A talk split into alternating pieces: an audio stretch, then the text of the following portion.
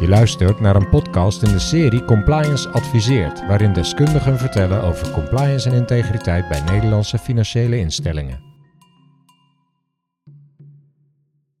De rol van de compliance officer verandert. Waar hij vroeger de jurist 2.0 was, wordt compliance officer steeds meer een verandermanager.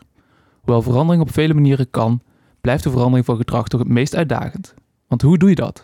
Wat kun je wel veranderen en wat niet? Deze en andere vragen gaan we bespreken met mijn twee gasten van vandaag, Muel Kaptein en Wies Wagenaar. Op de eerste plaats welkom en dank dat jullie tijd hebben gemaakt voor een bijdrage in deze podcast. Graag gedaan. Muel, voor de luisteraars die je nog niet kennen, wil je jezelf kort voorstellen? Muel, kaptein. Uh, Muel komt van Samuel. Dat is vaak de eerste vraag die mensen stellen. Waar komt dat vandaan? Mijn ouders hebben de S en de A ervan afgehaald. Dus toen bleef er uh, Muel over. Uh, werkzaam bij, bij KPMG. 25 jaar inmiddels op het gebied van ethiek, integriteit, compliance. En daarnaast nog iets langer zelfs. sinds 1991 werkzaam aan de Erasmus Universiteit. En daar de laatste 20 jaar hoogleraar op het gebied van bedrijfsethiek en integriteitsmanagement. Oké, mooi. Hoogleraar. Geef je ook nog les? dat uh, hoort erbij. En dat is een van de mooiste dingen die er, die er is, die er zijn.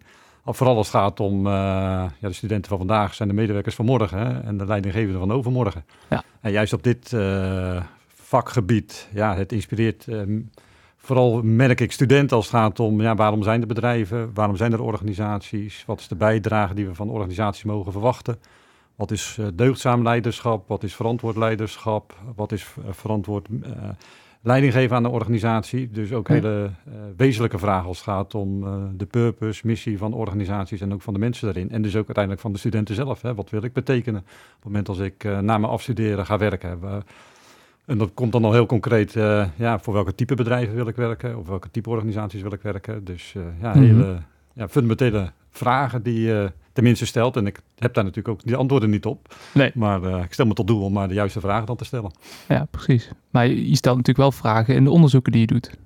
Ja, en dan uh, is het wel meegenomen als je wat antwoorden vindt daarop. Uh, hm. dus, en ik doe inderdaad onderzoek naar, nou ja, een, een van de hoofdvragen is, ja, waarom goede organisaties soms verkeerde dingen doen. Of mhm. waarom goede mensen soms verkeerde dingen doen. Uh, en niet alleen de, de waarom-vraag, maar uiteindelijk ook ja, hoe kan je daarvan leren en wat betekent dat voor het managen, inrichten van een organisatie, zodat je toch ja, de risico's op ongewenst gedrag reduceert. Ja. Voorkomen zou je het nooit, maar reduceren, dat is een doel die je zelf ook kan stellen als organisatie. Ja. Je hebt ook meerdere boeken geschreven, Muel. Ehm, welk boek heeft voor denk je voor, voor jou het meest impact gemaakt in het bedrijfsleven? Um, nou ja, kijk, ik probeer steeds een ander type boek te schrijven. Uh, en, en, en het boek Waarom goede mensen soms de verkeerde dingen doen. Een jaar of tien geleden geschreven. Dat had ik echt ja, bedoeld als, als makkelijk lezend, populair maken van wetenschappelijke inzichten. Het bestaat ook uit 52 hoofdstukken, dus hoef je niet in één keer uit te lezen. Dat, dat kan je iedere week een hoofdstukje doen en dan ben je het in een jaar er doorheen. Uh, dus dat heeft in ieder geval wat ik het meest vanuit de praktijk uh, op wordt bevraagd, wat mensen het meest herinneren. Hmm. Uh, maar het heeft waarschijnlijk ook mee te maken met, met de titel. dat dat mensen toch vaak er iets van herkennen en iets in herkennen. Als het gaat denk ik ook om wat ze hebben meegemaakt. Of als ze zichzelf een beetje kennen.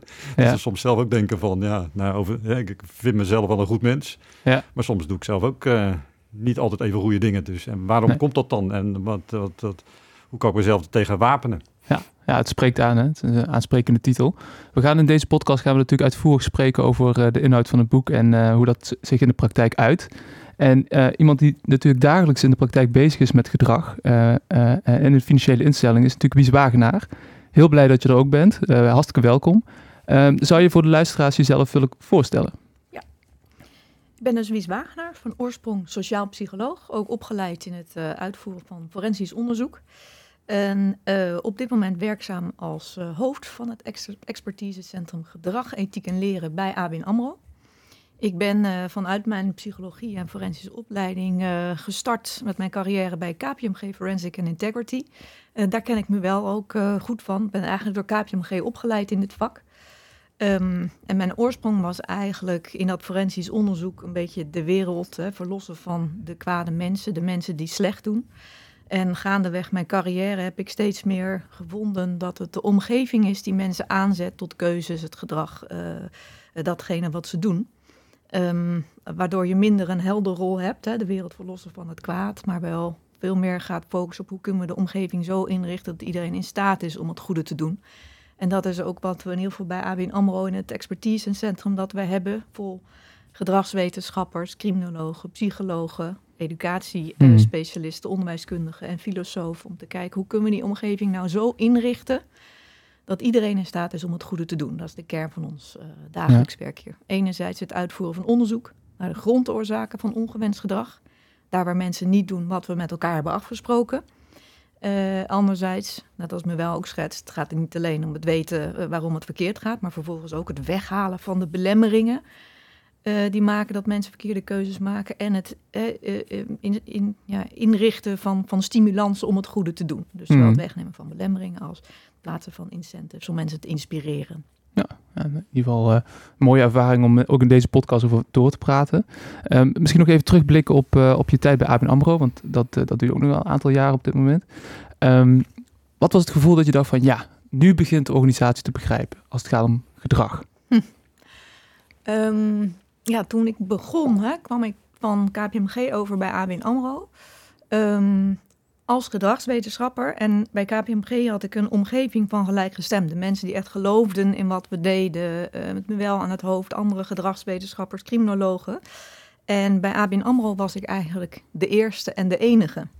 Dus het begon ermee dat ik eerst uh, um, moest uitleggen wat gedragswetenschap is en welke toegevoegde waarde het heeft. Aanvullend kwam ik vanuit mijn theorie mensen vertellen wat ze moesten doen. Dat was ook niet effectief. Wat ik heb geleerd is dat je echt eerst moet begrijpen voordat je begrepen wordt. Hmm. Dus ik heb uh, heel veel tijd moeten investeren in het begrijpen van de organisatie en de mensen en de keuzes die zij maken. Ja. En op basis daarvan veel meer op maat mijn advies te kunnen geven. Ja.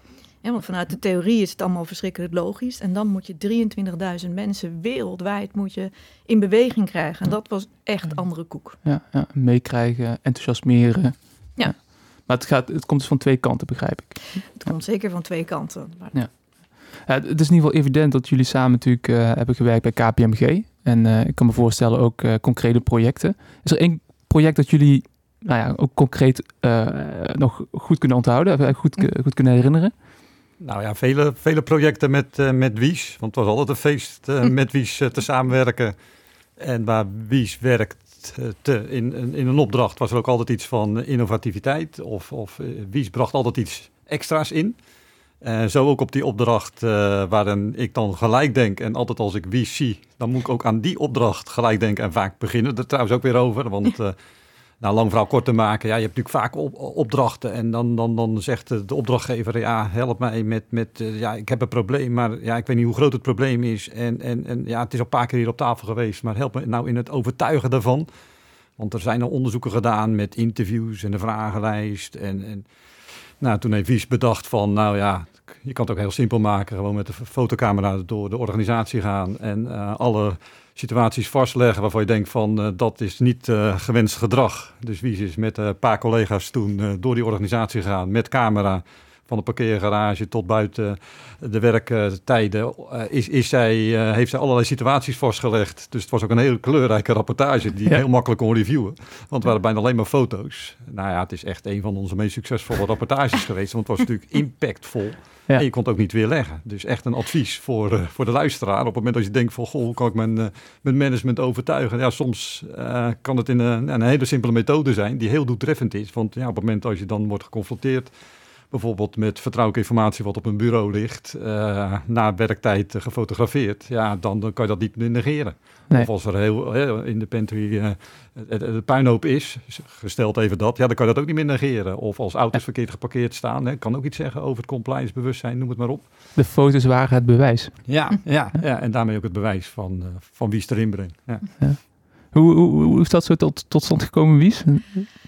Uh, ja, dat was uh, fantastisch. Um, ik had uh, in oorsprong deed ik de MBA-opleiding voor e-, ethiek voor accountants in business. Namens KPMG gaven we opleiding aan allerlei accountants um, in organisaties. En de CEO en het hoofd compliance van deze organisatie zaten aan tafel.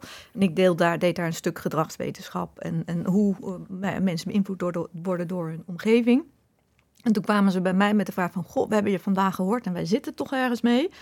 We, hebben, eh, we vragen ons echt af, hebben we nou hele niet-integere mensen in huis, de verkeerde mensen in huis, of is er iets anders aan de hand? Want we begrijpen het niet, want de regels zijn hmm. volstrekt helder hier. Eén, uh, we rijden geen 50 km per uur uh, hard in onze garage. We roken op de daar aangewezen plekken, want we, zijn, we hebben een hele uh, gezonde organisatie. Um, we ruimen onze spulletjes netjes op. We gaan zorgvuldig om met het ondersteunend personeel, schoonmaakpersoneel, personeel dat de faciliteiten beheert. En hoe kan het dan dat we de ene klacht, het ene incident na het andere hebben? Hm. ja, dat kan je onderzoeken. Enerzijds om mensen te, te, te bevragen natuurlijk maar het ook vast te leggen. Omdat een deel van de mensen zegt, nee, zo erg is dat probleem niet. Nee, we hebben hier geen problemen, we hebben allemaal goede mensen. Ja, en dan ga je ze vastleggen en dan komt het toch wel heel veel en vaak voor. Er was geen we wisten even niet hoe dat nou vast te stellen. Dan gewoon echt de praktijk in te duiken. Dat hebben we maar gedaan. Het was uiteindelijk een hele goede beslissing. En wat bleek nou uiteindelijk de oorzaak te zijn? Ehm, nou, kijk, sommige dingen zijn verschrikkelijk eenvoudig als het gaat over mensen. Hè. Ehm, eh, bijvoorbeeld uh, rookbeleid binnen een straal van vijf meter toen van het pand mocht niet gerookt worden. En daarvoor waren dan bijvoorbeeld ook bushokjes ingericht om de rokers toch te faciliteren als het regende. Ja. Maar die bushokjes stonden bijvoorbeeld op verschrikkelijk ongezellige plekken. Vaak in de schaduw, mm. eh, eh, op, op een plek waar, waar je dan niet gezien werd. Hè, want dat wilde je een beetje wegmoffelen. Nou, daar hadden die rokers helemaal geen zin in. Die moesten een stuk lopen. Dat kostte dus veel werktijd. Je stond ook nog eens in de kou. En je ging ontzettend stinken van het feit dat je in dat hokje stond. Mm. Dus we hadden allemaal mensen gefotografeerd die lekker in het zonnetje... echt voor, voor, voor manshoge, hier verboden te roken stickers... daar zaten ze gewoon voor te roken. En um, uh, ja, dat, en dat kwam dus, ja, uh, je zat ongemakkelijk, het was donker, het was verlopen. Ja. Uh, is toch weer de context. Heel menselijk, heel menselijk om te zeggen, ja, dit kost mij te veel moeite. Ja. Uh, en ik snap de regel, maar ja, het gaat ten koste van de tijd die ik heb voor mijn werk. En aanvullend was roken ook een moment om een van de hoogste geplaatste mensen in de organisatie te ontmoeten die ook rookten. Dus mm. het was ook nog een mooi netwerkmoment. Dus kortom, er was veel te winnen en weinig te verliezen. Klinkt ook nog iets als voorbeeldgedrag, zie ik ook nog hier ja, meespelen. Ja, het mooie was dus, het rapport was de verandering in zichzelf al. Dat vind ik nog steeds mooi. Hè? Vaak heb je tussen rapporten en dan wordt het gepresenteerd. En dan gaat management er nog eens over denken. En, en, en dan laten we het nog eens even tegen het licht houden. En voordat je het weet, hè, schrijf het zo in de tijd weg. Maar dit was ook, dit kon je niet weer leggen. Ja. En dus, dus in het rapport zat al de verandering. Dat, dat vind ik wel heel mooi. Ja. Dus het was, en het zat in de, dus het was in your face, zou, zou je kunnen zeggen. Maar uh, de, de verandering zat erin. Dus het advies Zag je al in de foto's? Hoe, hoe moet ik dat dan zien? Nou, dus, dus, dus, dus de laser, die mhm. werd al geraakt. Dat kwam al binnen, dat kon je niet weer leggen. Dus, dus als, als, je, als je zo heel concreet je eigen organisatie voor je ziet, ja, mhm. dan ga je al veranderen. Dan, dan, dan, zit er al draagvlak, jongens, dit kan niet. Hè, is dit ook zo? Ja, ja, die foto's liegen niet. Ja, dan moeten we echt. Dus, dus dan heb je al gelijk het draagvlak voor de verandering. Ja, de motivatie ervoor. Ja. En wat nog één aardige was, het ging ook over uh, duurzaamheid, over afvalscheiden, over papierloos werken. En deze organisatie had daarbij besloten, daarmee halen we de prullenbakken weg. Want dan kunnen mensen het niet meer weggooien. En dan hebben wij niet meer die, af, die afvalberg, zal ik maar zeggen. Ehm, maar daardoor mensen werken, eh, werken natuurlijk hard, lunchen nog wel eens achter hun bureau, bestellen wel eens eten, want ze maken veel overuren. Um, maar niemand kon dat afval meer kwijt. Uh, en toen was men heel boos op dat mensen zo'n troep maken van een werkomgeving, maar ze hadden op geen enkele manier meer mogelijkheid om schoon te maken, op te ruimen, het afval op te ruimen. Dus uh, ja, ja. Uh, geen wonder dat het een troep werd en mensen zelf prullenbakjes gingen maken. Uh, en, maar de schoonmaak was natuurlijk zo ingericht en het contract dat je 17 seconden per bureau hebt om het schoon te maken. Okay, en daarin zat natuurlijk niet het opruimen van die extra afvalbakjes, dus die bleven staan, want anders daar hadden de schoonmakers geen tijd voor. Dus als je alles bij elkaar op ging tellen, zaten de grondoorzaken dus helemaal niet bij het gedrag, maar onder andere in, in als het gaat over het uh, opruimen van die spulletjes in het contract met, met uh, de schoonmakers. En ook de uitvoerbaarheid klinkt. En de uitvoerbaarheid voor de medewerker, absoluut. En wat je dus kreeg, is dat, je, dat die, die medewerker ook nog eens heel boos werd op de schoonmaker. Omdat die zei Mhm. van ja, eh, je maakt de boel hier niet schoon, het blijft een troep, je ruimt het niet op. En die schoonmakers, ja, je hebt een bankier die, die stevig goed Nederlands spreekt. Je hebt vaak een schoonmaker die, die beperkte Nederlandse taal machtig is. Ook, Mhm. nou ja, ook wel onder de indruk is van iemand in een pak. Ja. En we vroegen de schoonmakers ook nog eens om dan de bankiers aan te spreken. Nou, dat, eh, dat nou ja, je, je voelt hem. Aanspreekbaarheid. Ik hoor eh, in deze introductie ook al een heel mooi, een aantal hele mooie dingen. Ik hoor context, ik hoor voorbeeldgedrag, ik hoor uitvoerbaarheid, eh, aanspreken. Nou, dat zijn nou net de thema's waar we het vandaag ook over gaan hebben. Maar voordat we daarmee verder gaan, gaan we eerst eh, een aantal stellingen, CQ-dilemma's met elkaar bespreken. En ik zou jullie willen vragen om even kort te antwoorden. En dan krijgen jullie daarna de ruimte om even daarop te reageren. Alright. Ehm, ik begin eh, eh, bij Muel. Is de mens van nature goed of kwaad? Nou, ik mag maar één antwoord kiezen. hè. Eén Eh, antwoord. goed. Goed. Wie is- de persoon of de situatie het meest bepalend voor gedrag? De situatie. En wel, is gedrag van mensen in organisaties makkelijk of moeilijk te voorspellen? Makkelijk. Makkelijk. Dat, eh, dat klinkt uitdagend. wel laten we even terugkomen op, eh, is de mens van nature goed of kwaad? Dat was een positief antwoord. Ja, ik moest wel even twijfelen, want, want het, is, het is, ja, ik zeg eigenlijk altijd, het is, het is het allebei. We zijn en goed en kwaad, kwaad tot het kwade geneigd. Eh, dus de mensen situationeel, dus afhankelijk van de situatie kiezen voor het goede of het kwade. Maar in eh, ik, over het algemeen vind ik wel dat mensen in beginsel het goede willen doen. En onder be- bepaalde situaties het kwade doen. Hè. Dus, dus uiteindelijk Mhm. ieder mens heeft een prijs. En de vraag is vooral eh, hoe hoog en hoe groot die prijs is. Maar van nature goed. Ja. Heb je daar een voorbeeld van? Dat, eh, dus dus eh, de situatie plus iedereen heeft een prijs. Heb je daar een voorbeeld van? Nou ja, als je kijkt naar, naar de fraudegevallen, de corruptiegevallen, de gevallen van ongewenste omgangsvormen in organisaties, hè, dat, dat, dat zijn vaak niet dat je op voorhand denkt van, god, dat, dat, dat zijn per definitie al verdachten. Hè. Dat, Mhm. dat zijn vaak juist mensen die hoog in aanzien staan of die het goed voor elkaar hebben, die alles op een rijtje hebben, die ook echt soms bejubeld worden of geprezen worden of ver in een organisatie komen. Eh, Hmm. en, en, en, en nou ja, ik zie ook veel fraudeonderzoeken voorbij komen, corruptieonderzoeken voorbij komen. En dat zijn vaak echt ja, briljante mensen. Ja. En, en, en dan is er toch iets, ja, soms een kortsluiting, even soms in een moment van verstandsverbijstering, dat mensen even een verkeerde paragraaf zetten of wat dan ook. Ja. Maar voor soms ook heel, heel systematisch eh, ja, of, eh, op, de, hellend vlak komen. Eh, en, en, maar dan is altijd de vraag, ja, dat, dat zit hem niet dat ze van nature nou eens dachten, s ochtends op te staan of bij die organisatie te gaan werken, laat ik nou eens de boel gaan flessen. Ja. Maar er gebeurt er iets in, in, in hun werk en dat, dat, dat neemt hen mee of dat leidt hen af of dat, dat neemt hen in beslag. Ja. En dat is vaak dus heel triest, want, want dat, dat gun je niemand. Eh, hè, maar, maar dan, ja, die, uiteindelijk, die, eh, het ergste is nog als, als de mensen dan geconfronteerd worden met hun gedrag of het bekend wordt. Ja, dan schamen ze zich rot. Dan, dan weten ze niet waar ze het moeten zoeken. Dan, ook al is het einde verhaal, ja, dan, dan, dan, dan, ja, dan zit je bij spreken, spreekwoordelijk achter de geraniums. Ja, en dus altijd die vraag is wel van, ja, hoe komt dat dan? En, en, en, en, en nog belangrijker, wat kan je als organisatie doen om dat te voorkomen? Want nog even, hè, want, want dit is natuurlijk een fundamentele vraag. Hè? Eh, want want eh, het hangt natuurlijk samen met de situatie waar je je in bevindt, maar ook in het systeem waar je in, in verbindt. Hè? Dus in je boek eh, eh, waarom goede mensen soms verkeerde dingen doen, maak je onderscheid tussen metaforisch de appels, eh, de manden en de, de, eh, De boomgaard. de boomgaard, dank. Eh, want hoe verhoudt zich dat tot elkaar? Nou ja, dat, dat, dat, dat, je dus, als je even de, de mensen als appels, of peren soms zijn natuurlijk, en, en, en dan heb je de man, zeg even, de organisatie, maar dat kan trouwens ook het team zijn, hè? dus dat is even je directe werkomgeving. Eh, maar ja, als organisatie sta je ook niet eh, op, op, op jezelf. Hè? Dus je, je hebt natuurlijk ook te maken met maatschappelijke invloeden, invloeden vanuit de samenleving, eh, invloeden van straat ook. Hè? Op het moment als, als, op, als we op straat elkaar niet aanspreken, ja, dan zijpelt dat ook door in de organisatie. Of als je Mhm. met wetgeving te maken hebt die echt irreëel is, onwerkbaar is, onuitvoerbaar is. Maar ja, je moet er toch wat mee doen. Ja, dan creëer je ook situaties in de organisatie van spanning.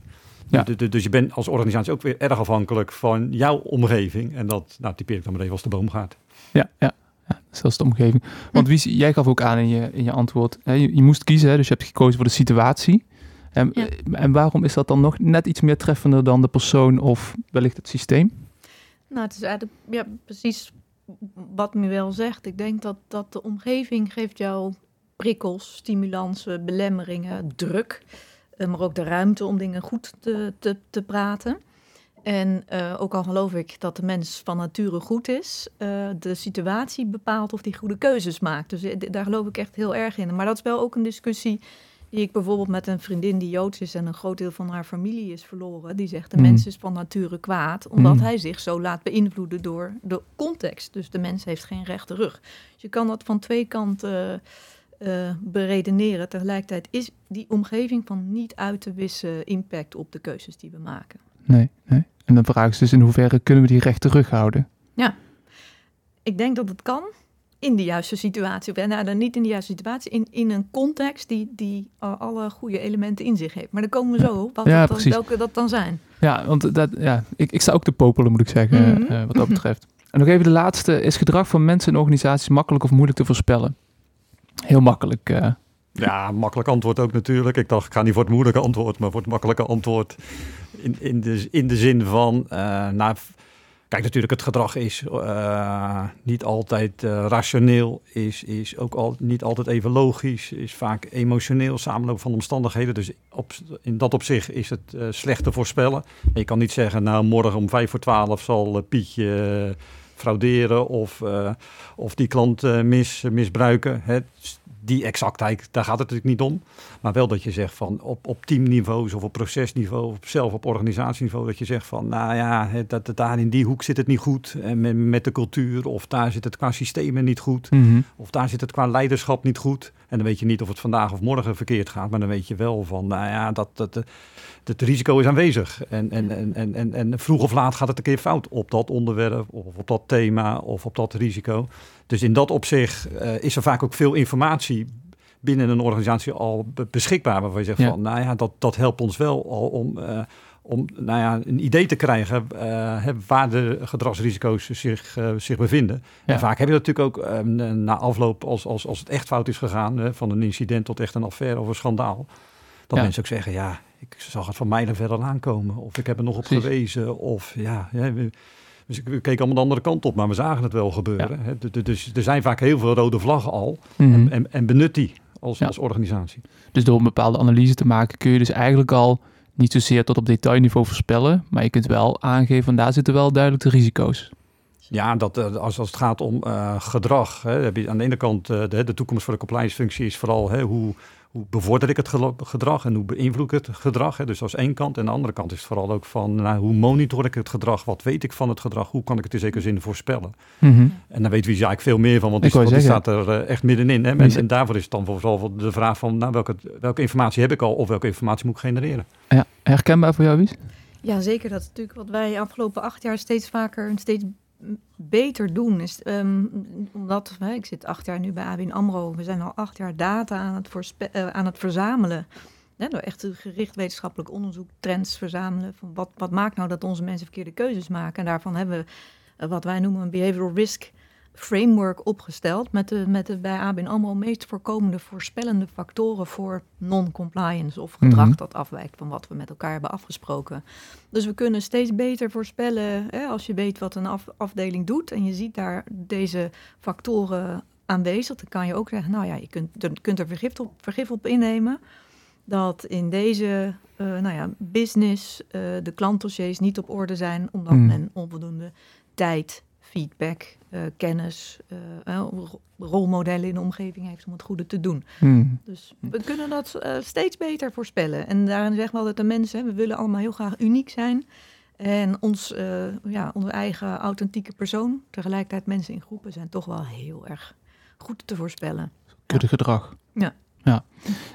Met betrekking tot, tot dat onderzoek hè, binnen, binnen ABN AMRO, dat is eventueel nog interessant om aan het einde van de podcast even in te zoomen van waar, hè, waar kunnen we dan de beste voorspellingen over doen, over welke factoren. Um, maar voordat we daar naartoe gaan, hè, naar de verschillende factoren, zou ik toch nog even, uh, Muel, jou willen vragen om ons geheugen op te frissen. Hè? Want we hebben het al heel gauw over gedrag, situaties. Uh, maar wat is gedrag nu eigenlijk?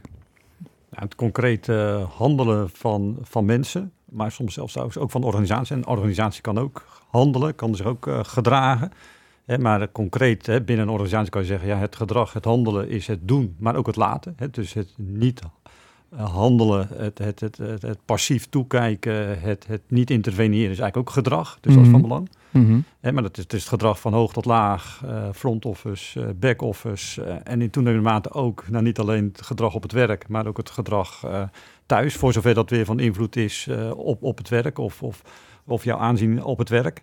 En het kan dus op, eh, ja, op vele gebieden zijn. Hè? Dus hoe je, je, eh, hoe je handelt en hoe je je gedraagt naar de verschillende stakeholders toe. Je collega's, je klanten, je aandeelhouders, je leveranciers. Hè? En ten aanzien van heel veel, veel onderwerpen. Of het nou gaat om know your customer of, of eh, ABC, eh, sorry, anti-bribery en corruptie. Mhm. Of het nou gaat om AML, privacy, security, duurzaamheid. Hè? Du- du- du- Dus ja, gedrag. Uiteindelijk is het wel de kurk waarop een organisatie eh, drijft. En je zou kunnen zeggen, ja, eigenlijk alles wat we doen als organisatie, ja, dat gaat via het gedrag van mensen. Ja. We besluiten, eh, we nemen actie, eh, we, we, we stellen dingen aan de orde, we monitoren, we meten, we adviseren. Ja, het is allemaal gedrag. Ja, daarom ja, is het ook belangrijk dat gedrag. precies. En dus is concreet waarneembaar. Hè? En zeker dus voor een compliance officer heel erg relevant. Want daar komt eigenlijk bewijs van het beleid tot leven in het gedrag van mensen. Nou ja, concreet waarneembaar. Kijk, eh, dit, is, je hebt niet overal camera's eh, Mhm. als, als, als organisatie op het gedrag van medewerkers. Hè? Dus, en ik kan nu iets doen, ja, en, en, en, en, over een seconde, om het zo maar even te zeggen, is dat alweer weg. Hè? Mhm. Dus daarom is cultuur zo van belang, want, want als je en die context zo van belang, want als dat van invloed is op je gedrag, dan weet je eigenlijk ja, de input, om het zo maar even te zeggen, of wat, er, wat dat, dat gedrag eh, mogelijk maakt of, of waarschijnlijk maakt. En dat helpt je dus ook om te kunnen voorspellen. Mhm. Maar tegelijkertijd heel veel gedrag is ook heel concreetbaar, eh, concreet en, en dus ook meetbaar. Nou, precies ook wat, wat we net zeiden over die organisatie waar Wies met de fotocamera eh, ja, eigenlijk heeft vastgelegd, eh, in dat geval ongewenst gedrag. is heel duidelijk, ja. En, en eh, wie, is- als je kijkt naar eh, de compliance officer eh, de laatste jaren, zie je ook een verandering als het gaat om te kijken naar gedrag? Heel sterk. Heel sterk. Ik, ehm, toen ik binnenkwam bij ABN AMRO, eh, compliance officers wisten echt wel, we moeten het gedrag beïnvloeden, maar we weten niet hoe, met vanuit een juridische achtergrond. En, eh, ja, eh, is het gedrag voor jou niet zo bekend en zeker niet hoe je dat moet beïnvloeden. Ehm, dus dat vraagstuk zat er ook echt. Dat is ook de reden waarom ik uiteindelijk bij ABN AMRO ben gevraagd om dit op te zetten. Omdat men besefte, met alleen de policies, compliance advies komen we er niet. Er is meer voor nodig. En ehm, in het begin ja, gaat het echt over zorgen dat mensen begrijpen wat, wat gedrag is, hoe je dat kunt beïnvloeden, hoe je de controle over uit kan oefenen. Eh, dat het een niet uit te wissen fac- factor is, of dat de omgeving een niet uit te wissen factor is. En eh, nu staat het eh, behoorlijk bovenaan de agenda bij heel veel verschillende organisaties en vooral Mhm. bij banken, denk ik op dit moment. Ja, ja, want het is niet alleen bij ABN AMRO. Hè. Ik heb Nee. het idee dat het bij meerdere organisaties Zeker. heel eh, Ja. veel aandacht krijgt. Absoluut. Ook ING heeft een groot eh, behavioral risk eh, team. Ja. Ja, ja. andere banken ook, wereldwijd. Mooi. Even kijken, Muel, je hebt, je hebt onderzoek gedaan naar welke factoren in de context goed of slecht veroorzaakt. Kun je ons vertellen hoe je te werk bent gegaan? Dus je hebt onderzoek gedaan naar welke factoren hè, zijn van invloed op het gedrag van mensen en organisaties. Dan wel goed, dan wel niet goed. Eh, kun je ons vertellen hoe je destijds te werk bent gegaan? Ja, voor mijn promotieonderzoek heb ik toen eh, mezelf de vraag gesteld. eh, nou, eigenlijk ook waar de titel van het boek, hè, waarom goede mensen soms verkeerde dingen doen. Hè. Dus waarom integere, welwillende, gemotiveerde mensen in hun werk dan verkeerde besluiten nemen. En gekeken naar eh, uiteenlopende incidenten, schandalen, affaires. Uiteindelijk heb ik er 150 geanalyseerd. Hè. Wat, wat, wat gebeurde er in die organisatie? En niet zozeer dat je nou de persoon eh, kan verwijten, maar wat droeg die organisatie bij tot eh, die, dat incident of eh, dat schandaal. Hè? Dus als het nou gaat om de Space Shuttle, de Challenger of de Exxon Valdez of de Herald of Free Enterprise, de, de boot die voor de kust van Zeebrugge kapseisde. Eh, hè, alle, en, en ook fin- financiële schandalen. En steeds ge- gekeken van, nou ja, wat waren nou de factoren, eh, de drijfveren binnen de organisatie die mensen ertoe toe bracht. En dat vervolgens eh, geanalyseerd, gecategoriseerd, gemodelleerd. En uiteindelijk tot acht eh, factoren gekomen. Je zou kunnen zeggen, ja, dat zijn acht, acht bouwstenen, acht dimensies van de integere organisatie, van de, eh, of van de ethische organisatie. Of van hè, dat, dat, hè, hoe meer die factoren aanwezig zijn, hoe meer compliant je bent als organisatie. En hoe meer het dus compliant gedrag bevordert. En dus eigenlijk de perceptie van die, van die factoren. eh, ja, dat heb ik op een, een achter de middag een keer softcontrols genoemd. En dat, eh, dat resoneerde wel. En, en, en dus dan gaat het echt om de ervaringen, de percepties van mensen, hoe zij dus ervaren het, eh, de aansturing van hun gedrag in, in, in de organisatie. En dat is weer van belang, want ja, hoe ik mij aangestuurd voel, dat bepaalt ook mijn gedrag. En niet of als er een soort objectieve werkelijkheid is, want Hmm. ja, dat is buiten mij. Maar hoe ik dat ervaar, eh, hoe ik bijvoorbeeld ervaar de policies of hoe ik ervaar het, eh, het leiderschap, dat is van invloed op mijn gedrag. Dus daarom heb ik dat toen soft controls genoemd. Dus de perceptie, perceptie is heel belangrijk hierin. Ja, want even qua terminologie. eh, wie binnen ABN AMRO zeggen we niet, zeggen we niet soft controls, hè? dan noemen we het anders. Ja, we hebben deze eh, acht soft controls van Muel, of zeven, wij hebben de acht eh, bij ons geïmplementeerd. En ehm, wat we merkten in de organisatie ABN AMRO, ehm, is dat het woord soft, ja, dat resoneert niet zo lekker. Dat heeft voor veel mensen een, een, een bijsmaak. Controls hebben bij onze bank ongelooflijk veel. Hè? Beperkend, zit ook niet per se een positieve perceptie eh, aan altijd. Dus wij hebben daar een wat positieve term voor gekozen die goed bij ons eh, paste. Conduct drivers, dus eh, Mhm. elementen die je gedrag drijven, Ja. stimuleren. Ja, helder. En, en ehm, kun je iets vertellen over op welke manier je de conduct drives hebt geïmplementeerd binnen ABN AMRO?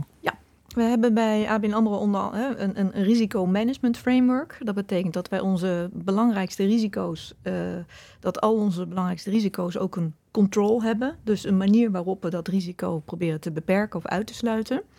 En eh, we hebben duizenden van die key eh, risks. En die hebben ook allemaal een key control, of een control zal ik maar zeggen, een controlemaatregel.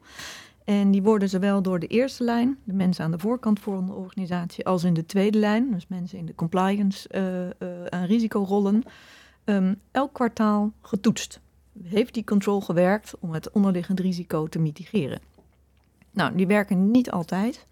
En we hebben alle monitors in de eerste lijn, zoals ze heten, en testers in de tweede lijn, zoals ze heten, wereldwijd getraind om een grondoorzaakanalyse aan de hand van die soft controls of in ons geval conduct drivers te doen. Mhm. Wat betekent dat wij voor alle falende controls of niet helemaal werkende controls weten welke soft control of conduct driver daaraan ten grondslag ligt. En, en ook per eh, soft control, per een van die acht elementen, hebben we dan weer vier of vijf breakdown punten. Dus je moet je voorstellen, de control heeft niet gewerkt, want er is sprake van een gebrek aan haalbaarheid, op achievability, feasibility.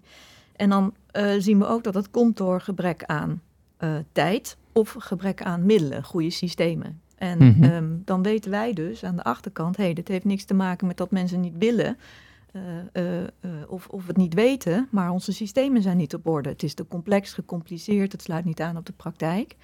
Ehm, en dat geeft ons zo elk kwartaal zo waanzinnig veel informatie wereldwijd. Dat verzamelen we al acht jaar, wat dus inmiddels een hele grote voorspellende factor heeft. Hmm. Aanvullend doen we regelmatig onderzoek naar aanleiding van incidenten of proactief naar aanleiding van risicothema's. En daar Ja. gebruiken we ook altijd als basis de acht eh, soft controls om te begrijpen waar moeten we nu met elkaar zoeken. Aanvullend ons jaarlijks eh, employee engagement onderzoek, hè, hoe onze mensen zich eh, voelen in onze organisatie. Daarin hebben we ook de acht soft controls inmiddels opgenomen al enkele jaren. Mooi. En zo hebben we een gigantische bak aan bronnen met, eh, nou, waar schieten die soft controls nou tekort, waar werken ze goed? Ja. En het meest effectieve wat we daarin, wat ons het meeste leert, is dat we de afdelingen eh, waar het niet zo goed gaat op de soft controls vergelijken met de afdelingen waar het wel goed gaat. En wat, wat verschilt daar nou tussen? Mhm. En dat geeft ons weer inzicht hoe we bij daar waar het niet zo goed gaat kunnen leren van waar het wel goed gaat. En dan hebben we hele praktische handvatten om het verschil te maken. Ja. Heb je daar een voorbeeld van ook? Waarvan je zegt van, nou dat hebben we dus gezien in, in, een, in een bepaalde business line of Ja. onderdeel waarvan je zegt, nou dat werkt nou wel goed. En dat Ja, zouden ze bij die andere zien we business line ook moeten proberen. Heel, ehm, een van de belangrijkste dingen die we, ehm, even een heel praktisch voorbeeld. Hè. Voor, voor bankieren is het heel belangrijk als er een klant binnenkomt, dat we die klant eh, heel goed kennen. Dat we precies weten eh, nou ja, wat zijn vermogen is, waar het vandaan komt, dus welk risico hij kan dragen. En op Mhm. basis daarvan verkopen we een eh, product wel of niet aan deze persoon.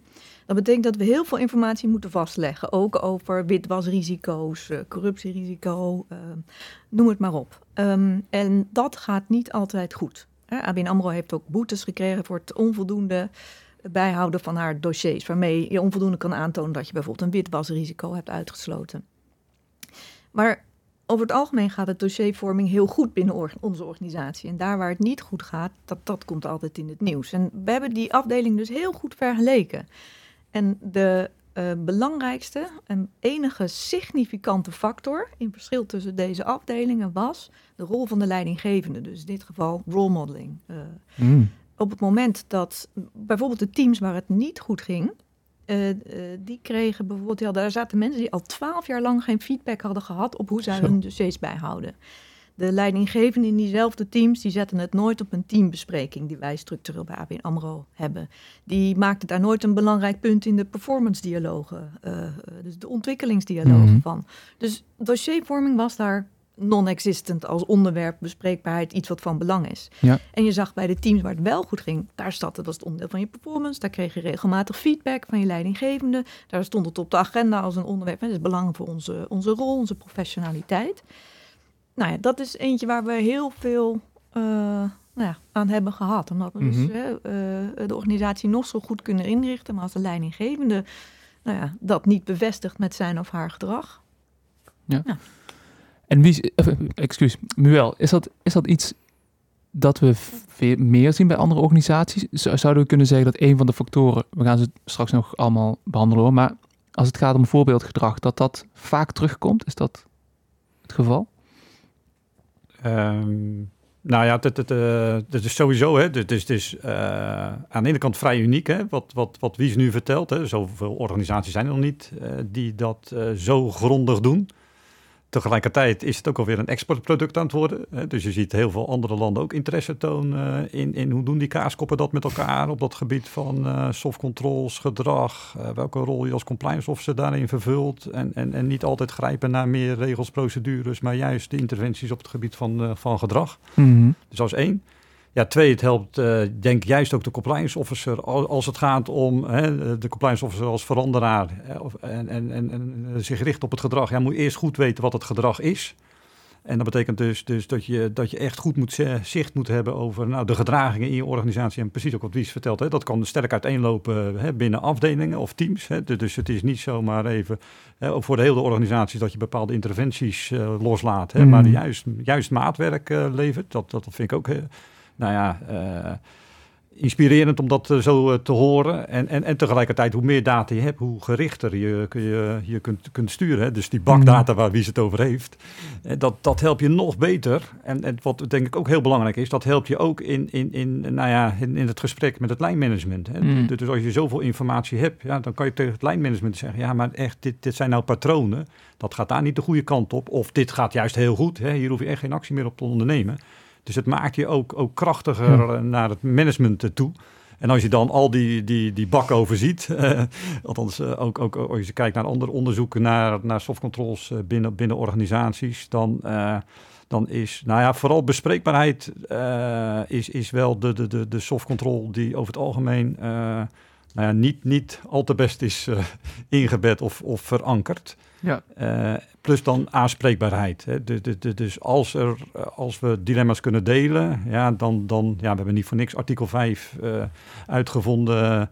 Als het gaat om het gedogen, hè, dan, dan zie je nog juist wel het, het, het, echt het aanspreken, het escaleren dat dat uh, nou ja, mondjesmatig gebeurt. Ja. Tegelijkertijd zie je dus een aantal andere softcontrols, uh, helderheid bijvoorbeeld, en, en uh, vrij goed in Nederlandse organisaties ingebed. Hmm. En bijvoorbeeld in de financiële sector de laatste jaren uitvoerbaarheid ook aanzienlijk toegenomen.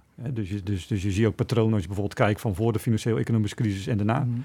Uitvoerbaarheid, zei Is aanzienlijk toegenomen van voor de financiële economische crisis en, en daarna dus, dus mensen ervaren veel meer ruimte, middelen, bevoegdheden uh, om, om, om nou ja, zich aan de regels uh, en de normen te kunnen, kunnen houden. Dus, dus ja. zo zie je het, sommigen zijn sterk, sommigen zijn minder goed ingebed, sommigen verschuiven, uh, of verschuiven ook in de tijd. Mm -hmm.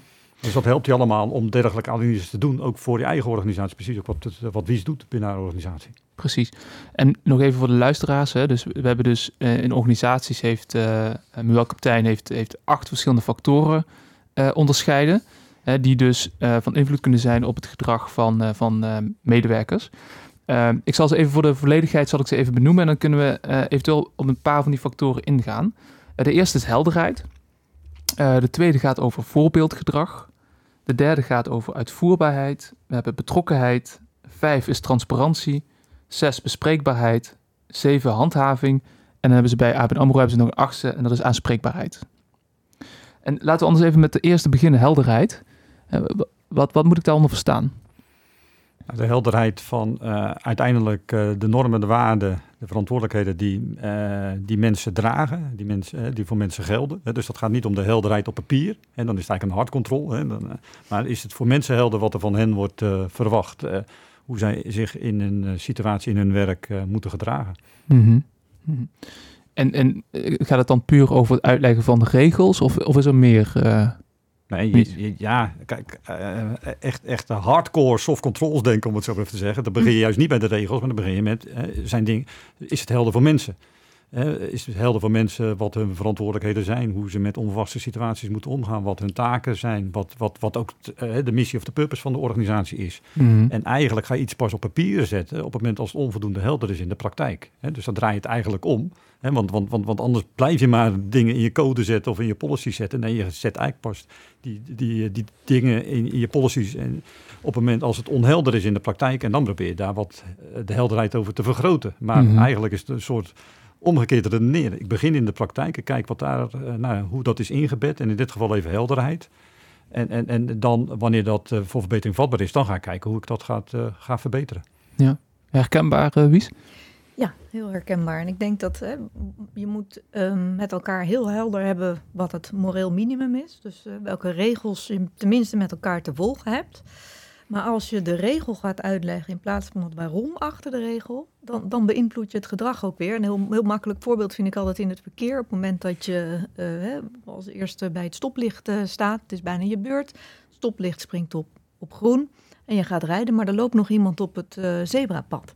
De meeste van ons raken dan geërgerd. Want eh, jij hebt groen, dus jij hebt het recht om te rijden. En iemand overtreedt de regel, want die loopt blijkbaar of waarschijnlijk door rood. Ehm, dus we zijn boos op die ander. Maar die regel die was er om de veiligheid te waarborgen. Als je dat stoplicht namelijk weghaalt toen iemand steekt over... dan de meeste van ons eh, eh, rijden dan voorzichtig en, en zachtjes. En natuurlijk kunnen we dan de ander... Hè, eh, omdat de meeste van ons goed zijn, dat is natuurlijk het uitgangspunt eh, zorgen voor de veiligheid van de ander. Maar de regel doet dus iets met ons professioneel denken. En daarom vinden we het heel belangrijk om vooral het principe uit te leggen. Bij ABN AMRO hebben we natuurlijk verschrikkelijk veel policies... waarin heel goed tot in detail uitgelegd wat, wat de regel is. Mhm. Als je in de praktijk kijkt of mensen die policies lezen, dan lezen ze die niet. Ja. Ehm, die worden nauwelijks gelezen. En het gaat dus echt over het principe wat achter die policy zit. Enerzijds, dat moet je goed kennen. Dus daar Mhm. moet je als bank volstrekte helderheid over geven. En daarnaast moet je heel helder, zijn over het feit dat er een gigantisch groot grijs gebied is. Ja. En dan moet je heel helder zijn over dat is het moment dat we met elkaar in gesprek gaan. En je met elkaar een besluit neemt. Want mijn integriteit is de jouwe niet. Hè? Vanuit mijn perspectief Mhm. is het niet jouw perspectief. Nou, kortom, ook veel helderheid over een proces dat je dient te volgen. Dus die hangt heel erg samen met bespreekbaarheid. Die hangt heel erg samen met bespreekbaarheid. Ja. Om dus via dilemma's die je ervaart, hè, met elkaar te bespreken. En dat schept dan ook weer helderheid. Ja, en zo eh, gaat die cirkel draaien. Ja. Ja, mooi. Even kijken. Eh, een van de, van de, van de conduct drivers, so- soft controls, die, die, eh, eh, die voor mij nog het meest eh, onduidelijk is, is transparantie. Eh, want daar is natuurlijk wel heel veel te halen. Eh, maar heeft volgens mij ook een aantal risico's.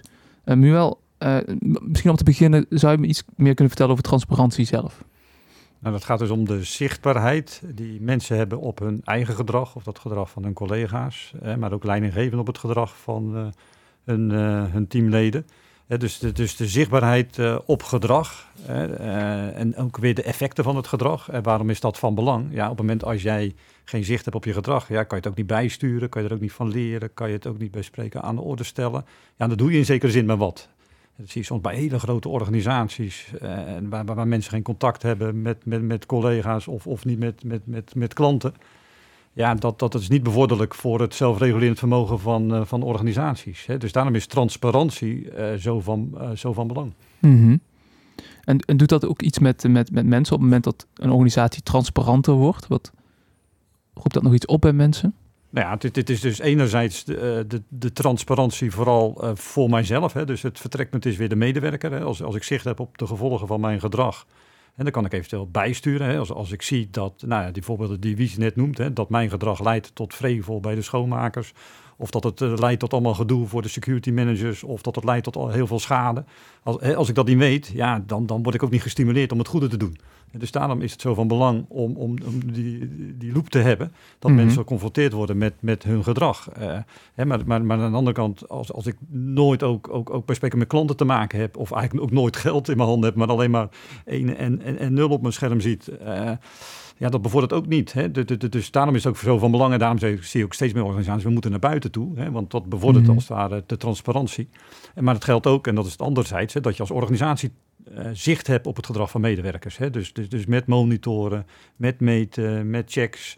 Hè? Probeer je ook in, in- in kaart te brengen, ja, wat, wat is het gedrag en Ja. waar moeten we eventueel op bijsturen. En, en als een organisatie totaal geen zicht heeft, heeft op het gedrag van mensen, het een black box is, ja, dan gebeurt er ook maar wat. En dan moet je ook niet versteld zijn dat het af en toe dan misgaat. Nee. Nee, want, want eh, hè, met betrekking tot eh, het- eerste argument voor transparantie, hè, dus dat mensen eh, meer zicht krijgen op hun eigen gedrag, dat ze ook effect kunnen hebben op de betrokkenheid. Is dat iets wat jullie ook in de praktijk terugzien?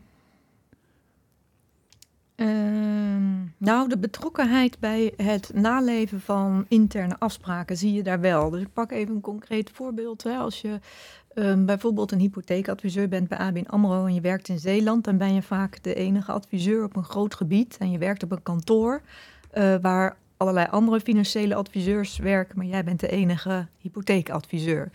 Ehm, ja, dan, dan opereer je behoorlijk autonoom. Dus ook het sparren met vakgenoten en collega's gebeurt op meer afstand. Ehm, waardoor jouw relatie met de klant is doorgaans goed. Die ken je goed, werk je al jaren mee. Ehm, ja, da- daardoor vergeet je soms dat je eh, de spiegel nodig hebt van anderen die even mee- kritisch meekijken. Omdat jij vanuit je vertrouwen met de klant handelt. Vier ogen principe wordt ook wel vaak eh, genoemd. Ja, bijvoorbeeld. Hè. En ook als je, eh, niet alleen als hypotheekadviseur, maar ook als, ehm, eh, ja, dan vergeet je soms dat je onderdeel bent van een grote organisatie. Dus als je daar keuzes maakt vanuit het vertrouwen in het handelen van je klant, omdat je hem goed kent, dat je ook wat slordiger wordt met het bijhouden van het dossier, want je handelt alleen, je krijgt eh, niet al te vaak en veel feedback. Ehm, eh, dat je onvoldoende zicht hebt over wat jouw handelen voor een effect heeft op de rest van de organisatie. Wat jouw Mhm. radartje doet met de andere radar in de organisatie. Als je Mhm. namelijk dat dossier onvoldoende bijhoudt, omdat jij zegt ik vertrouw deze klant, dan ontbreekt er informatie in het dossier. Wat betekent dat als jouw dossier getrokken wordt door de toezichthouder, die zegt ABN AMRO heeft het niet goed vastgelegd. Mhm, U mhm. voldoet niet aan wet en regelgeving. Hè? En daarmee krijgt de bank een enorme boete. En eh, eh, bovendien een knauw voor haar reputatie en dus het vertrouwen van onze klanten enerzijds. Anderzijds, op het moment dat jij uitvalt en ziek bent, dan kan een andere collega op geen enkele manier meer hè, zien wat er met werk klant is afge- eh, afgesproken. Dus Ja. ja, dus, dus ehm, ja, transparantie voor ons is heel belangrijk dat mensen heel goed begrijpen, maar ook ons leiderschap. Als wij keuzes maken voor onze kolom, voor onze IT-kolom, voor onze risk-kolom of voor de business line, dat we goed, goed begrijpen wat voor een impact dat heeft. Dus we Mhm. kunnen wel een verandering bewerkstelligen, maar dan willen we altijd de hele keten in beeld hebben. Ja. Want soms is hier iets veranderen, leidt aan het einde van de keten tot een enorme eh, eh, bak aan werk van compliciteit en gecompliceerdheid, eh, En wat- wat, ook ja. een risico is. En als je dat dus niet aanpakt, heb je uiteindelijk het probleem ook niet opgelost. Zo is het. Helder. Eh, een spannende, dat is eh, eh, handhaving. Ehm, ik denk dat eh, mensen die graag aardig zijn dat eh, nogal spannende vinden. Hoe moet ik dat zien, eh Muel? Nou, om die mensen te gerust te stellen, ja, handhaving of be- bekrachtiging heeft twee kanten, eh, of misschien zelfs eigenlijk drie kanten. Dus aan de ene kant eh, de handhaving, het, het, het straf, het sanctioneren. Dus als echt evident een misbruik wordt gemaakt van het vertrouwen waar wie het over heeft, of de verantwoordelijkheden, hè, dan, dan, dan, dan, dan moet je acteren en, en, en hè, lik op stuk, of in ieder geval, hè, dan moeten mensen dat ook voelen, om het zo maar even te zeggen. Hè, maar, de, maar de andere kant is ook juist het, eh, het waarderen van, van positief gedrag of excellent gedrag. Hè. Als, als, als iemand op het gebied ook van compliance echt iets fantastisch doet of, of met een innovatie komt. Hè, dus dat dat ook echt wordt erkend als zodanig. Eh, dus dat is de positieve kant, de aai over de bol of wat dan ook. En, en tegelijkertijd gaat het ook juist om eh, het leren van incidenten. Eh, of het leren van eh, bijna incidenten of, of, of, of het leren van ongelukken of bijna ongelukken. Dus dat leren zit daar eigenlijk ook wel, eh, wel in. Dus het zijn eigenlijk drie, drie kanten. Dus het, het, het, het straffen, belonen en leren. Mhm. Hoe herken je dat uh, bij, bij, bij, bij organisaties Wies? Um, heel, het heeft een aantal effecten. Dus, dus we hebben ook bij ons in de organisatie bijvoorbeeld onderzoek gedaan naar voorbeeldgedrag. En dan zien we dat op het moment dat mensen in uh, uh, voorbeeldposities, dus aan de top van onze organisatie, als zij keuzes maken die niet in lijn zijn met het beleid, maar wij acteren daar als bank niet op, dus dat blijft vrij van consequentie. Men wordt er niet op aangesproken, men blijft zitten in een rol of krijgt een functie elders op eenzelfde hoog niveau met een vergelijkbaar salaris. Dat je ook ziet dat, dat, nou ja, dat medewerkers denken, nou we hebben hier regels, maar blijkbaar is het niet zo belangrijk om ons daaraan te houden. Mm-hmm. We zien ook dat uh, op het moment dat wij als bank uh, uh, ons strak aan de regels houden, die strak opleggen aan onze medewerkers om zich daaraan te houden. Wat best wel veel werk is om dat ook zorgvuldig vast te leggen. Maar onze leidinggevende overtreden die regel en spreken we daar niet op aan, dan kunnen we die regel aan de onderkant ook echt weggooien. Ja. Dus op het moment dat je een regel hebt en je handhaaft hem niet, ook naar medewerkers zelf toe. Dus we zien ook dat medewerkers bijvoorbeeld even terug naar het dossier, als zij twaalf jaar lang geen feedback krijgen op hun, op hun handen, niet worden aangesproken, maar bij het foutdossier ook geen enkele consequentie ervaren, ja, dat daarmee de regel dan ook als onbelangrijk wordt ervaren. Want de organisatie vindt hem niet belangrijk, want hij wordt niet gehandhaafd. Hmm. Dus handhaving is heel belangrijk. Ja. Niet 100%, maar af en toe even prikken, net als bij die... Uh, nou ja, de zelfscankassa's of iets dergelijks. Dan is het heel belangrijk om niet 100% te controleren, want dan voelen mensen zich gewantrouwd. Dus dan komen ze mhm. niet meer bij je terug. Mhm. Of het gaat onder de radar. Maar wel laten zien dat als we een regel hebben, vinden we het belangrijk om die ook af en toe te controleren. En daarmee wordt de regel belangrijk. Dus deze hangt weer nauw samen met voorbeeldgedrag. Hè? Ook. Ja. ja. Eh, eh, voordat, we, voordat we verder gaan, hè, want ik denk dat het goed is om eh, los van de factoren ook nog een aantal andere dingen te bespreken. we, hebben de, we hebben ze nu bijna uh, allemaal al dan niet uh, via anderen besproken. Dus is er een factor waarvan je zegt, nou, Frederik, daar hebben we nou net iets te weinig aandacht aan besteed. Daar moeten we toch even met elkaar over spreken. Nou, we hebben ze bijna allemaal gehad. kijk, ik zou bijna eerder het, het, omdraaien voor, voor, voor de luisteraar. Is het, ik, ja, ik, ik vind het verhaal van wie zo mooi, omdat, kijk, welke vraag op soft controls je ook aan wie stelt, zij heeft daar een verhaal bij. En, en, en, en, en dat is eigenlijk noodzakelijk. Wil, wil ik nou uh, goed mijn organisatie wapenen tegen integriteitsrisico's? Wil ik nou de integriteit van mijn organisatie bevorderen? Wil ik ervoor zorgen dat uh, mijn organisatie zich aan de wet en regelgeving houdt? Hè? Dus kennis hebben van de soft controls. En niet bij spreken uit het boekje, maar echt vanuit de praktijk. Zo werkt het. En met die voorbeelden. En in dit team dat. En het, dat proces dat. Hè. Dus, dus, als, je, als je het zo in je vingers hebt. Mm Volgens mij, ja, dan ben je als compliance officer heel goed bezig. En je bent helemaal goed bezig als compliance officer op het moment als je ook nog bij spreken die relaties kunt leggen tussen, tussen de verschillende softcontrols. En die ligt per organisatie anders.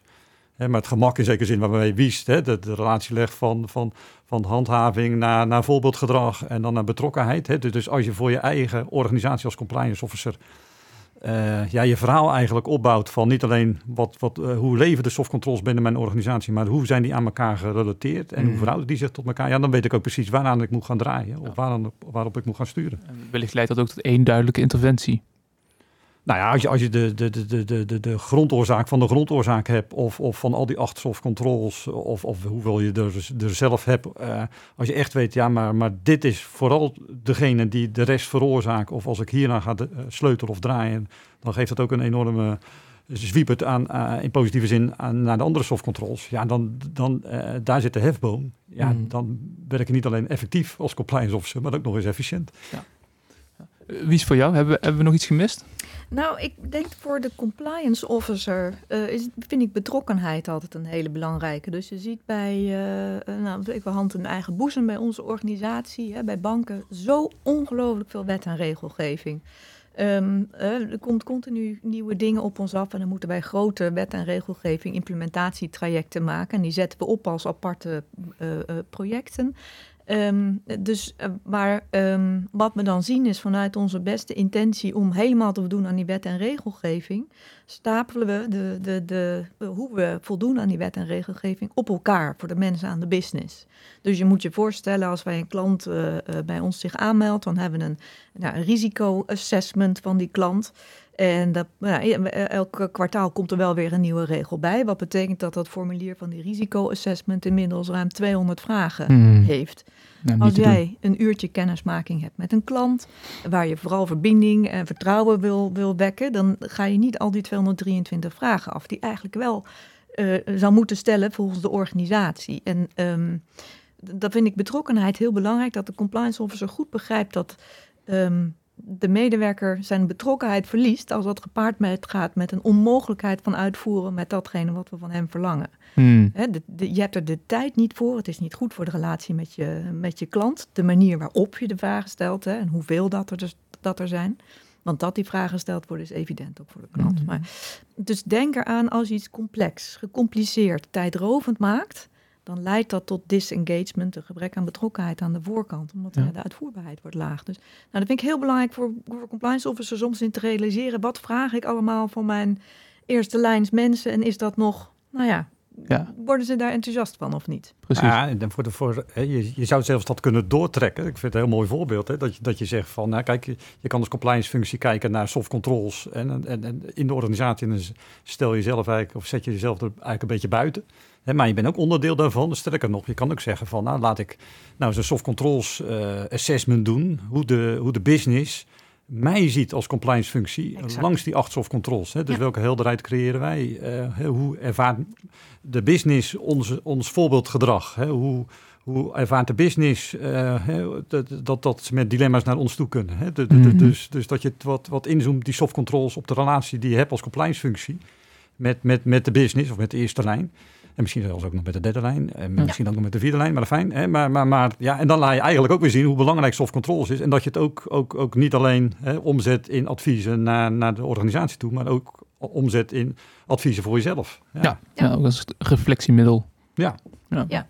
Om even een voorbeeld van ABN AMRO, waar ik laatst erg gecharmeerd voor was, voor onze derde lijn, dus Group Audit, Mhm. heeft recent een review van nou ja, onze compliance functie gedaan. En daar hebben zij ook onze belangrijkste ja, betrokkenen intern, hè, onze stakeholders, bevraagd aan de hand van onder andere soft controls. En dat geeft ons een hele mooie spiegel, wat zij ook zeggen, ja, soms zijn jullie veel te streng. En dan voelen wij niet de ruimte om, om met jullie de dialoog aan te gaan, omdat jullie heel, Ja. eh, eh, nou ja, het voelt niet alsof we schouder aan schouder staan. Het voelt Mm. alsof jullie, ja, alsof we aan twee uitersten staan en daar vinden we elkaar niet. Het botst, terwijl we juist samen moeten werken. En dat zit weer in het gedrag.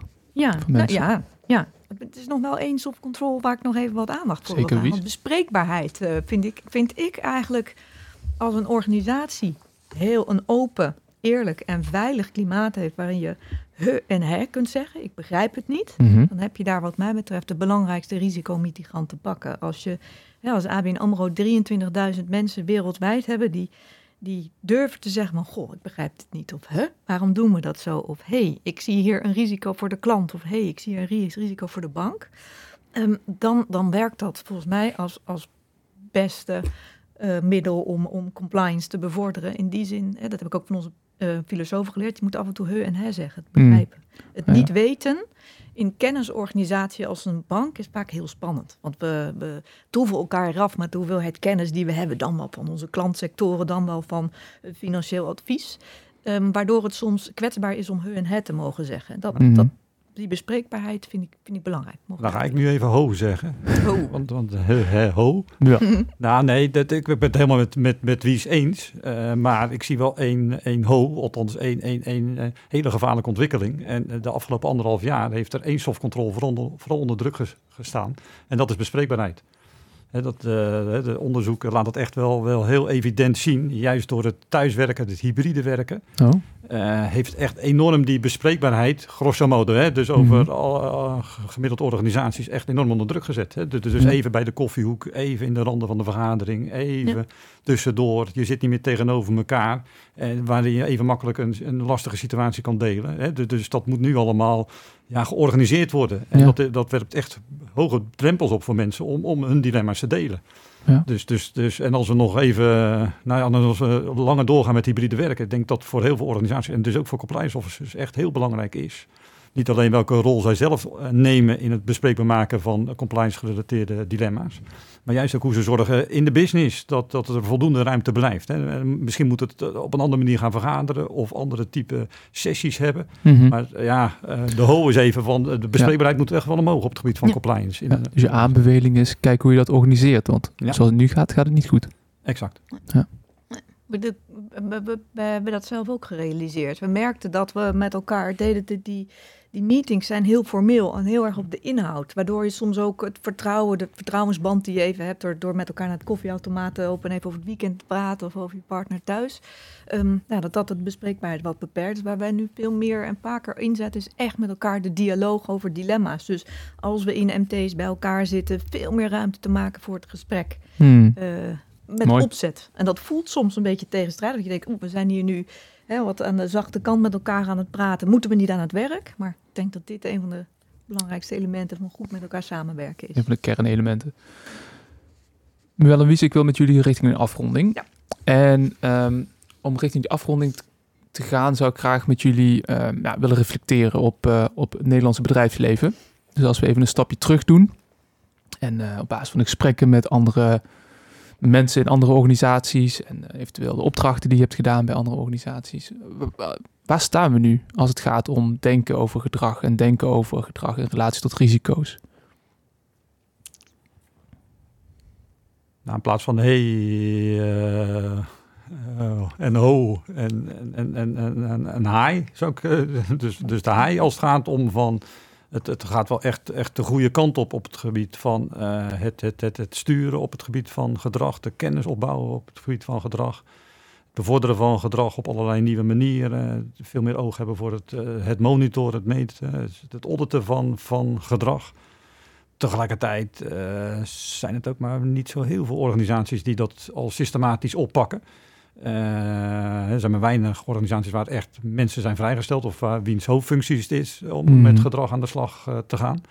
En, en, en bij sommige organisaties is het eh, nou één iemand die het doet, deeltijd of, of bijna meer als hobby. Dus ik denk tegelijkertijd dat er nog heel veel te doen is op, eh, ja, als vanuit de compliance functie met gedrag aan de slag gaan. En ik denk vooral van belang is, is dat, dat, dat, dat, dat je enerzijds eh, expertise opbouwt. eh, hè, dus ook je, je compliance afdeling. En tegelijkertijd zorgt dat, dat iedereen daar de genodigde, bagage voor, eh, voor heeft. Eh, en wat ik net zei, van, nou ja, als je het vergelijkt met andere landen, dan doen we het eigenlijk helemaal niet zo gek. Hè? De- Dus Mm. maar, ja, dan zou je zeggen, eh, ja, we, de, de, we moeten wel voorop blijven lopen. Of anders in ieder geval, we zijn het ook wel aan onze stand verplicht. verplicht. Ja. En het past misschien ook wel bij, eh, bij de type samenleving die we zijn. Hè? De, de, dus enerzijds eh, houden we van, van de regels en van de moraal en tegelijkertijd van de eigen verantwoordelijkheid en van de vrijheid ook. Ja. Ja, en dat, dat juist, dat komt samen, om het zo maar even te zeggen. Als het gaat toch om zelfregulering in, in, in, in het sturen en het interveneren op het gebied van eh soft controls of conduct drivers. Ja, Mhm. ja. En, eh, en het zoeken van balans daarin eh, kan ik me voorstellen. Helder. En wie is wellicht nog, want we hebben verschillende luisteraars. Hè? We hebben luisteraars van grote organisaties, maar natuurlijk ook van kleinere organisaties. Laten we even inzoomen op een compliance officer van een kleine organisatie. Stel dat die aan de slag wil gaan met gedrag en risico's. Wat is dan je eerste tip om daarmee te kunnen starten?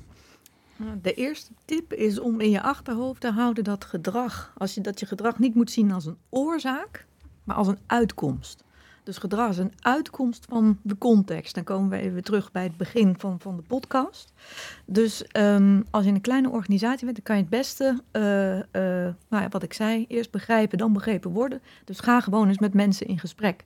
Gebruik eventueel de acht soft controls als leidraad. Is je voldoende helder wat er van je verwacht wordt? Waarom wel, waarom niet? Hmm. Kun je uitvoeren wat we van je verwachten? Als je je nou moet houden aan de regels eh, zoals ik die voorschrijf als compliance officer in deze kleine organisatie, lukt dat dan? Waarom wel, waarom niet? Ja. Ik denk dat dat. de- ja, dit- dit ga met elkaar in gesprek. Gebruik de controls als, eh, als leidraad in je Ja. gesprek.